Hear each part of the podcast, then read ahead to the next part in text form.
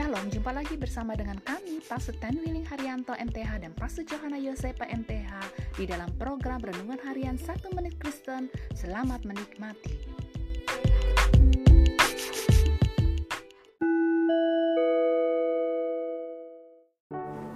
Shalom saudara-saudara yang berharga di hati Tuhan. Firman Allah hari ini mau mengingatkan kepada kita bahwa masih ada orang yang peduli akan hidup saudara. Kejamnya Firaun menerapkan peraturan bahwa setiap eh, anak laki-laki yang dilahirkan dari keturunan Ibrani harus dibunuh mati.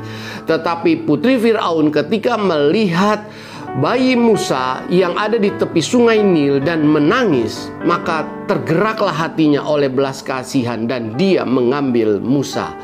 Hari ini, ingatlah, masih ada orang yang peduli akan hidup saudara. Masih ada Allah yang mengasihi saudara. Janganlah saudara merasa sendiri, janganlah saudara merasa terbuang, janganlah saudara merasa ditinggalkan ketika saudara menghadapi kegagalan, ketika saudara menghadapi masalah. Ingatlah, masih ada Allah dan masih ada orang-orang di sekelilingmu yang peduli akan hidup.